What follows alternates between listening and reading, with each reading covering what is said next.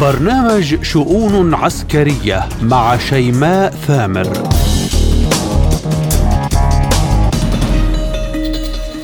مرحبا بكم. بريطانيا تعتزم بناء تحالف دولي لدعم كييف بأف 16 برلين تقول لا نمتلك الإمكانيات لذلك وواشنطن تداوي جراح باتريوت بعد أن استهدفها كنجال الروسي. بعد يوم واحد من اشتباكات الدولة وفصيل المسلح بايدن يمدد حالة الطوارئ بالعراق خوفا على الأمن الأمريكي. والجيش العراقي ينفذ مناورات عسكرية هي الأولى منذ ثلاثة عقود. ما علاقة الطوارئ بأمن أمريكا القومي؟ وما الغاية من مناورات الجيش العراقي؟ ردا على صفقة عسكرية أمريكية لتايوان. بكين تتوعد بسحق أي تحرك لانفصالها. إلى متى ستكظم الصين غيظها؟ كل ذلك وأكثر بحلقة اليوم من شؤون عسكرية عبر وكالة سبوتنيك الإخبارية بموسكو. أصحبكم بها أنا شيماء ثامر. التفاصيل بعد الفاصل. أعلن المتحدث باسم رئيس الوزراء البريطاني عن تعاون بين المملكة المتحدة وهولندا لتشكيل تحالف دولي لدعم كييف في شراء طائرات F-16. المبادرة بحسب المتحدث تأتي لتعزيز قدرات الدفاع الأوكرانية في مواجهة تصاعد الضربات الجوية الروسية. بيان عن الحكومة البريطانية. صدر موضحا أن هولندا رحبت بتلك الخطوة بينما وزير الدفاع الألماني أكد أن بلاده لا تمتلك القدرة على المشاركة في تحالف لندن لتزويد أوكرانيا بالمقاتلات. وشدد أن بلاده لا يمكنها لعب دور نشيط بهذا التحالف كونها لا تمتلك الإمكانيات للتدريب ولا كفاءات ولا طائرات أيضا. على الجانب الآخر استهدفت القوات الروسية منظومة باتريوت الأمريكية بصاروخ كنجال الخنجر العابر للقارات وذلك بالقرب من كييف التي تمتلك منظومتين من باتريوت. كانت زودتها بها واشنطن كدعم عسكري. وإلى الآن لا زالت الأخيرة وأتحدث عن واشنطن تقيم أضرار منظومتها. عن هذا الموضوع قال إيغور خلمكودوف عضو اتحاد كتاب روسيا لشؤون عسكرية. لا يوجد الكثير من صواريخ باتريوت هناك لأن هذا المجمع باهظ الثمن بالنسبة للأمريكيين أنفسهم. مجمع واحد لهذا النوع من الصواريخ يكلف حوالي نصف مليار دولار. يعد تدمير مجمع واحد بمثابة هبوط كبير في منطقة موقع الدفاع الجوي لأوكرانيا. وهو أيضا مقدمة لنفقات خطيرة من قبل الولايات المتحدة. فإذا على سبيل المثال تم تدمير عشرة مجمعات لصواريخ باتريوت فهذا يعني بالفعل خمسة مليارات دولار. ولكن الشيء الرئيسي الآن هو تطوير التكنولوجيا لاختراق الدفاع الجوي لأوكرانيا. بما في ذلك في المنطقة التي توجد فيها مراكز صنع القرار سيئة السمعة ومع ما يحدث من مستجدات يبقى السؤال الأهم ما تداعيات حلف لندن الجديد؟ وهل باتت خزائن الغرب قادرة على الصمود عسكريا؟ للحديث عن هذا الموضوع استقبل معي عبر الهاتف من لبنان الخبير العسكري الاستراتيجي العميد الدكتور أمين حطيط. مرحبا بكم سيادة العميد بشؤون عسكرية وبداية. كيف تنظر إلى مسألة التحالف الدولي الذي دعت له بريطانيا وتبعات تلك الخطوة عسكريا؟ بريطانيا هي نقطة الشر العالمية في السياسة والعلاقات الدولية. وهي دائما تقيم سياساتها على فكرة العدوان وفكرة اغتصاب حقوق الآخرين. هذا ما فعلته في الدول العربية هذا ما فعلته في أفريقيا وهذا ما تفعله الآن في أوكرانيا. وبريطانيا هالها أن تتشكل نزعة عند الجوار الأوكراني بقيادة بولندا وتدعو زيلينسكي إلى وقف الحرب والإستقالة. لذلك تريد أن تقطع الطريق على هذه المحاولة وأن تنشئ تحالفا دوليا يمنع زيلينسكي أو يوحي لزيلينسكي بأنه آه، غير متروك وبأنه محتضن من قبل الغرب وأن التحالف الدولي سيقود الحرب بدل الجيش الأوكراني. ولهذا السبب أطلقت بريطانيا بعد المساعدات العسكرية التي زودت بها أوكرانيا أطلقت فكرة التحالف الدولي للاستمرار في هذه الحرب بشكل يذكرنا بالتحالف آه، بالتحالفات دولية قامت بها أمريكا سابقا، لكن أعتقد أن الظروف الدولية الآن والظروف الأوروبية بشكل خاص تختلف عما كان قائما سابقا وهذا التحالف من الصعوبة بمكان أن يقوم وإذا قام فإنه لن يكون فاعلا ولن يحقق لبريطانيا ولأمريكا أهدافهما. طيب سيادة العميد مع ما ذكرتم اليوم برلين تقول لا طاقة ولا قدرة لدينا على ذلك التحالف. هل برأيك لدى برلين خيار آخر؟ بدأت ألمانيا تشعر بعبء مساعداتها العسكرية التي قدمتها لأوكرانيا. هذه المساعدات التي أرهقت الخزينة الألمانية وأفرغت المستودعات الأسلحة والذخائر الألمانية. ومنعت آه، ألمانيا من الاستفادة من آه، فكرة مهماتها العسكرية بالشكل المناسب الذي تطمح إليه. لذلك آه، اليوم تتردد ألمانيا في أي في الاستجابة لأي مسعى يطلب منها لزيادة الإنفاق وزيادة التسليح في أوكرانيا. ولهذا السبب أعتقد أن الطلبات الأنجلوساكسونية من بريطانيا ومن آه، من أمريكا لألمانيا لمزيد من المساعدات التي تعطى لأوكرانيا لن تلقى أذنا صاغية لدى برلين. فبرلين تعتبر نفسها من أكثر المتضررين اليوم من الحرب الأوكرانية سواء فيما أنفقت أو فيما آه، تسببت به الحرب من خسائر فهي أنفقت المليارات آه، للمساعدات آه، العسكرية وغير العسكرية وأيضا تسببت الحرب الأوكرانية والحصار البترولي والنفطي والغاز بخسائر فادحة على الاقتصاد الألماني ولذلك نشاهد آه، حالات الإفلاس وحالات التراجع في الاقتصاد كله بسبب الحرب الأوكرانية، لذلك أعود فأكرر لا أعتقد أن الطلبات الأمريكية أو البريطانية من ألمانيا للانضمام إلى تحالف دولي أو لمزيد من المساعدات العسكرية ستلقى الأذن الصاغية لدى برلين. دكتور أمين هذا التحالف بطبيعة الحال تحالف طائرات يعني تصعيد جديد. طيب هل سيغير مسار الأحداث ميدانيا؟ في حال نجحت بريطانيا بإنشاء التحالف الدولي هذا التحالف لن يكون تحالف يشمل القوات المتعددة الأنواع يعني بر بحر جو. أعتقد أن هذا التحالف سيكون آه، شبيها بالتحالف الذي أنشأته آه، أمريكا في العراق لمحاربة داعش. وهذا التحالف لم يؤدي إلى أي نتيجة. الذي حارب داعش في العراق كما يعلم الجميع هو الحشد الشعبي. والأمر ذاته سيتكرر فيما لو نجحت بريطانيا مدفوعة بأمريكا فيما لو نجحت ببناء تحالف لمصلحة أوكرانيا في مواجهة الاتحاد الروسي. أعتقد أن هذا التحالف سيكون تحالفا جويا وتحالف طائرات آه، لا يمكنها أن تمسك ارضا ولا يمكنها أن تغير نتائج. فجل ما في الامر هو إثبات وجود وضغط على الجيش الروسي حتى لا يتقدم ليس أكثر. أما بالنسبة لمسك الأرض وتغيير موازين القوى في الميدان فهذا أمر سيبقى بعيدا عن متناول هذا التحالف. ولذلك نرى أن فكرة التحالف بذاتها هي فكرة عقيمة آه، لئيمة من شأنها أن آه، تمدد آه، أو تطيل أمد الصراع ولكنها لن آه، تقود إلى تغيير موازين القوى ولن تحقق انتصارا لمصلحة أوكرانيا ولن تثبت حكومة كييف العميلة للغرب في مواقعها.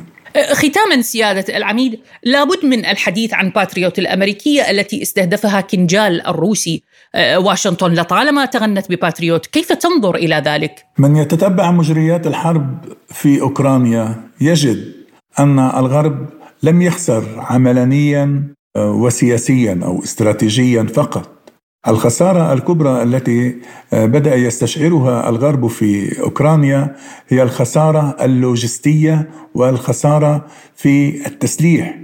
لقد افتضح أمر السلاح الغربي آه، أمام السلاح الروسي والسلاح الحليف وتبينت الكفاءة العالية للسلاح الروسي والعجز الرهيب في السلاح الغربي.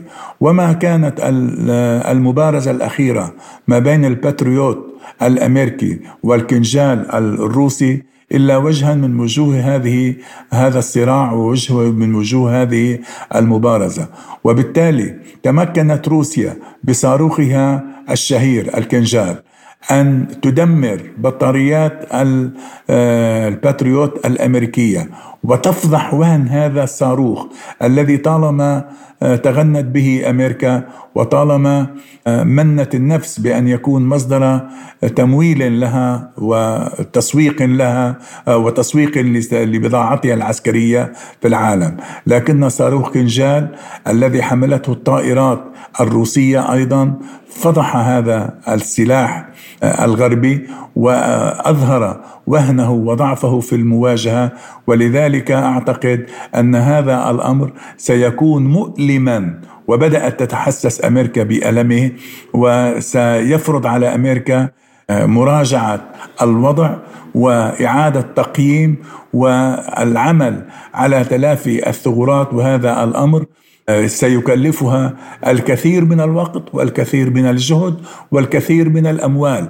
لذلك نقول أن حرب أوكرانيا آه، ومواجهة السلاح الغربي للسلاح الروسي فضح السلاح الغربي وأظهر عجزه ووهنه في مواجهة السلاح الروسي فضح السلاح الغربي فضح سلاح السلاح الأمريكي بشكل محدد وأظهر عجزه في مواجهة السلاح الروسي. الخبير العسكري الاستراتيجي العميد أمين حطيط شكرا لكم وحياكم الله. إلى العراق بعد يومين من مواجهات مسلحة بين قوات الشرطة الاتحادية وفصيل مسلح تابع لحزب الله بإحدى مناطق بغداد الزراعية ربط المراقبون بينها وبين قرار الرئيس الأمريكي جو بايدن بتمديد حالة الطوارئ في العراق. بايدن برر أن السبب من هذا التمديد هو للمحافظة على الأمن القومي الأمريكي والذي يرى أن العراق ما زال يمثل مصدر قلق أمني لبلاده. على الجانب الآخر اجرى الجيش العراقي مناورات عسكرية هي الأولى من نوعها من ثلاث عقود. المناورات نفذت بصحراء الأنبار، شاركت بها وحدات الجيش العراقي وأظهرت مشاهد نشرتها الدفاع العراقيه جوانب من التمرين الذي حكى هجوما على مواقع معادية بعمليات برية وجوية. وزير الدفاع العراقي ثابت العباسي أكد أن التمرين جرى في إطار توجيهات تؤكد على رفع جودة التدريب للجيش العراقي ليكون مستعدا للقتال في كل الظروف. للحديث بشكل موسع عن الملف العراقي أستقبل معي من بغداد الخبير الأمني الاستراتيجي الدكتور أحمد الشريفي مرحبا بكم دكتور وشكرا على قبول الدعوة بداية دكتور كخبير كيف قرأتم قرار جو بايدن بتمديد حالة الطوارئ بالعراق وربطها بالأمن القومي الأمريكي. إيه، هل بالفعل هناك علاقة لهذا القرار والأحداث الأخيرة بين الشرطة الاتحادية والفصيل المسلح مثل ما يرى الآخرون؟ بسم الله الرحمن الرحيم. في حقيقة الأمر الولايات المتحدة ترى أن هناك ثلاث مفاصل دفعت الولايات المتحدة إلى تبني خيار تمديد حالة الطوارئ في العراق. الأولى أن العراق من وجهة نظر أمريكية لا زال يتعرض إلى تهديد الإرهاب وما يستلزم آه، تواجدا وتدخلا مباشرا آه، في الدعم والإسناد للعراق آه، عبر التواجد العسكري المباشر وهو يقتضي أن يشرع أو يكون ضمن أطر قانونية ولذلك جرى التمديد. فالمفصل الأول هو يتعلق بالإرهاب الثاني آه، عدم الانسجام السياسي وعدم الاستقرار للمنتظم السياسي ما ينذر باحتمالية أن يكون هناك آه، نوع من الاحتقان الجماهيري قد يدفع باتجاه تهديد السلم الأهلي وما يعيد العراق كبؤرة لتهديد الأمن والسلم الدوليا. ثالثا وهي المعادلة الأهم والأخطر أنه الولايات المتحدة ترى أن مسألة التدخل الإقليمي لا زال قائم وفاعل ومؤثر في القرار السياسي ما يقتضي حضورا امريكيا لإيجاد حالة توازن في إدارة الصراع مع آه، التوازنات الإقليمية وفي مقدمتها إيران. في تقديري إنه قضية الربط بين الأمن القومي الروسي والولايات المتحدة إنه الولايات المتحدة ترى أن العراق عقدة استراتيجية مهمة في منظمة غاز الشرق المتوسط التي من المفترض أن تكون بديلا عن الغاز الروسي وبالتالي يحضر آه، الأمن القومي الأمريكي بشكل مباشر وأمن الحلفاء وعني بهم آه، أمن أوروبا. ولذلك هناك نشاط واضح لكلا الدولتين وعني بها كل من الولايات المتحدة وبريطانيا في العراق آه، لإيجاد معابر طاقة آمنة ومضمونة ضمن ضمن الرؤى والإستراتيجيات التي تتبناها الدول الكبرى وفي مقدمتها الولايات المتحدة وبريطانيا. الاشتباكات التي جرت بين الاتحادية وبين كتائب حزب الله كانت دليل واضح على ضعف الحكومة العراقية ممثلة بالسوداني في فرض إرادتها على الفصائل. أي بمعنى أن الولايات المتحدة تنازلت عن دعمها للأغلبية لصالح الأقلية بشروط واحدة من هذه الشروط هو نزع سلاح الفصائل ودخولهم في العملية السياسية وجعلهم تحت مظلة الحكومة. حالات التململ والتي قد تؤدي إلى تمرد الفصائل تقرأها الولايات المتحدة قراءة دقيقة وهي ترى أن الدعم الذي منح إلى السوداني من ائتلاف إدارة الدولة الذي فيه الفصائل فاعلة ومؤثرة قد ينتهي. وإذا انتهى فمعنى ذلك إنه احتمال تهديد المصالح الأمريكية وضرب القواعد الأمريكية سيعود مجددا وآنذاك تحتاج الولايات المتحدة إلى آليات الردع ولربما الردع سيكون عبر التواجد العسكري الذي بدأ بعملية إعادة انتشار وإعادة تموضع والآن هناك رفع لمنسوب عديد هذه القوات في العراق. نعم دكتور بالحديث عن الفصائل قبل تشكيل حكومة السوداني كانت هناك أصوات وإصرار من الفصائل المسلحة على إخراج القوات الأمريكية قوات التحالف الدولي من العراق. بعد مجيء حكومة السوداني صمتت تلك الأصوات.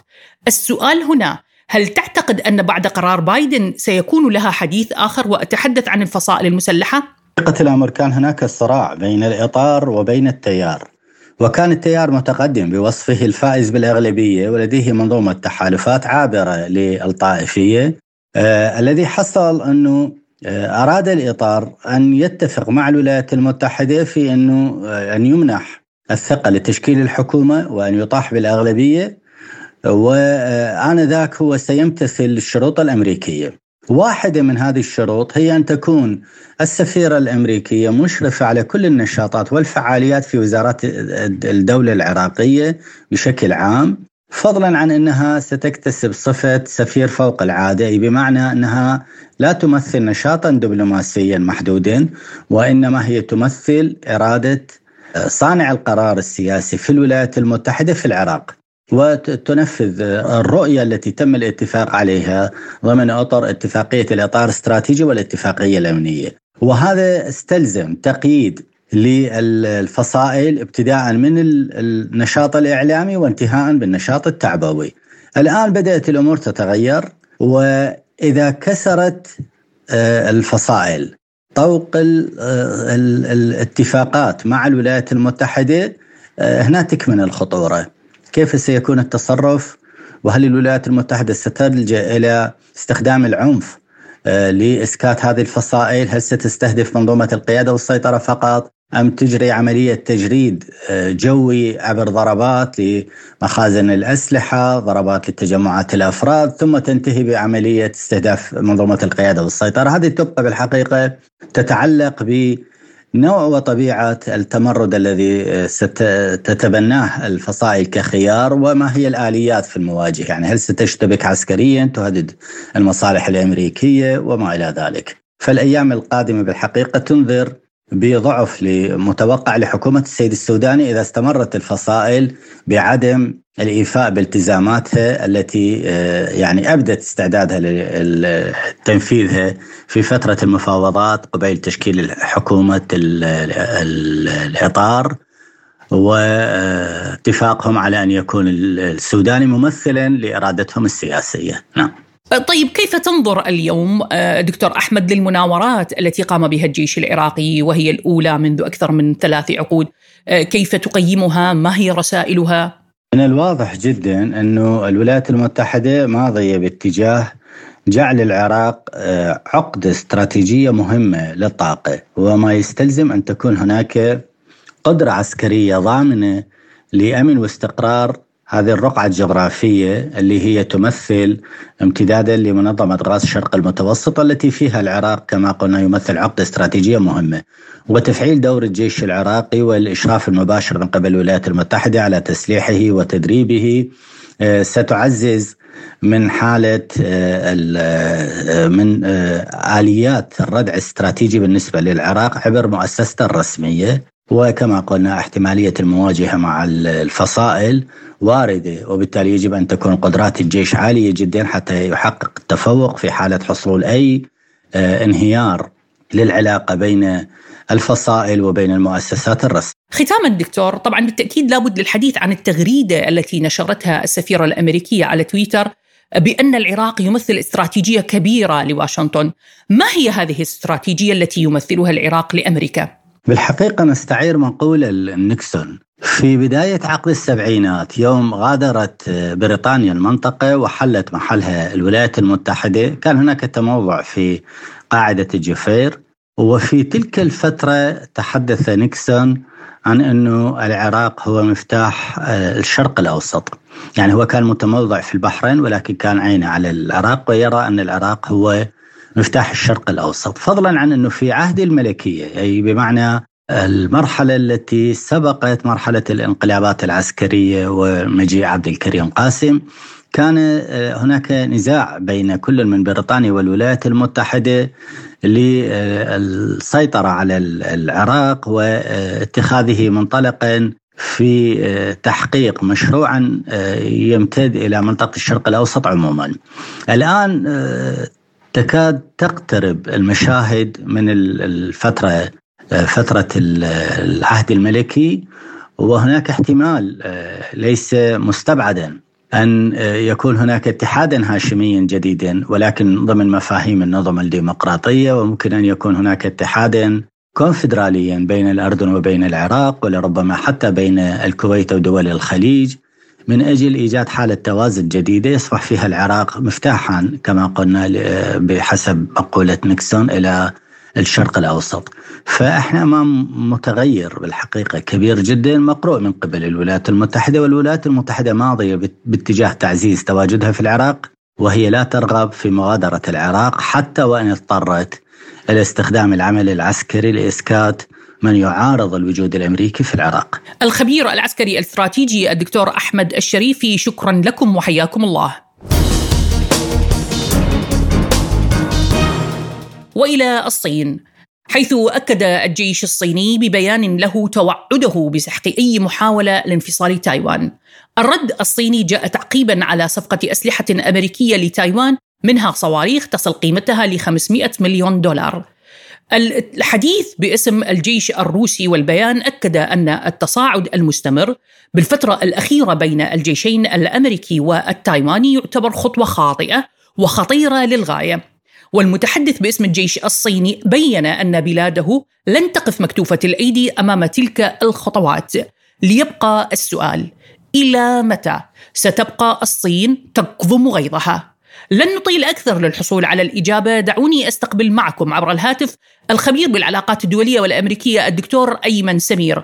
أهلا بكم دكتور معي بشؤون عسكرية وشكرا على الانضمام. دكتور كخبير بالعلاقات الدولية كيف قيمتم الصفقة العسكرية بين تايوان وواشنطن؟ أنا في تقديري صفقة الأسلحة الأخيرة والسلوك الأمريكي هو يعمل على فصل تايوان بشكل كامل عن الصين ويريد قطع أي صلة ما بين تايوان والصين. من خلال تعزيز القدرات العسكرية لتايوان وفي نفس الوقت أيضا دعم المحاولات الانفصالية.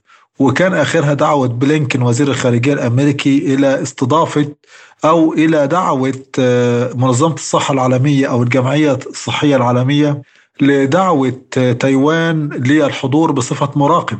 وهذا الأمر كانت اعترضت عليه الصين منذ عام 2016 ومنعت تايوان من المشاركة في الجمعية العمومية لمنظمة الصحة العالمية منذ ذلك التاريخ. لذلك الولايات المتحدة الأمريكية بتعمل على مسارين مسار عسكري من خلال إرسال السلاح والتدريبات المشتركة وأيضا مسار سياسي من خلال آه، دعوة المنظمات الدولية لدعوة آه، تايوان واستضافة تايوان وحتى منح تايوان صفة مراقب في المنظمات الدولية.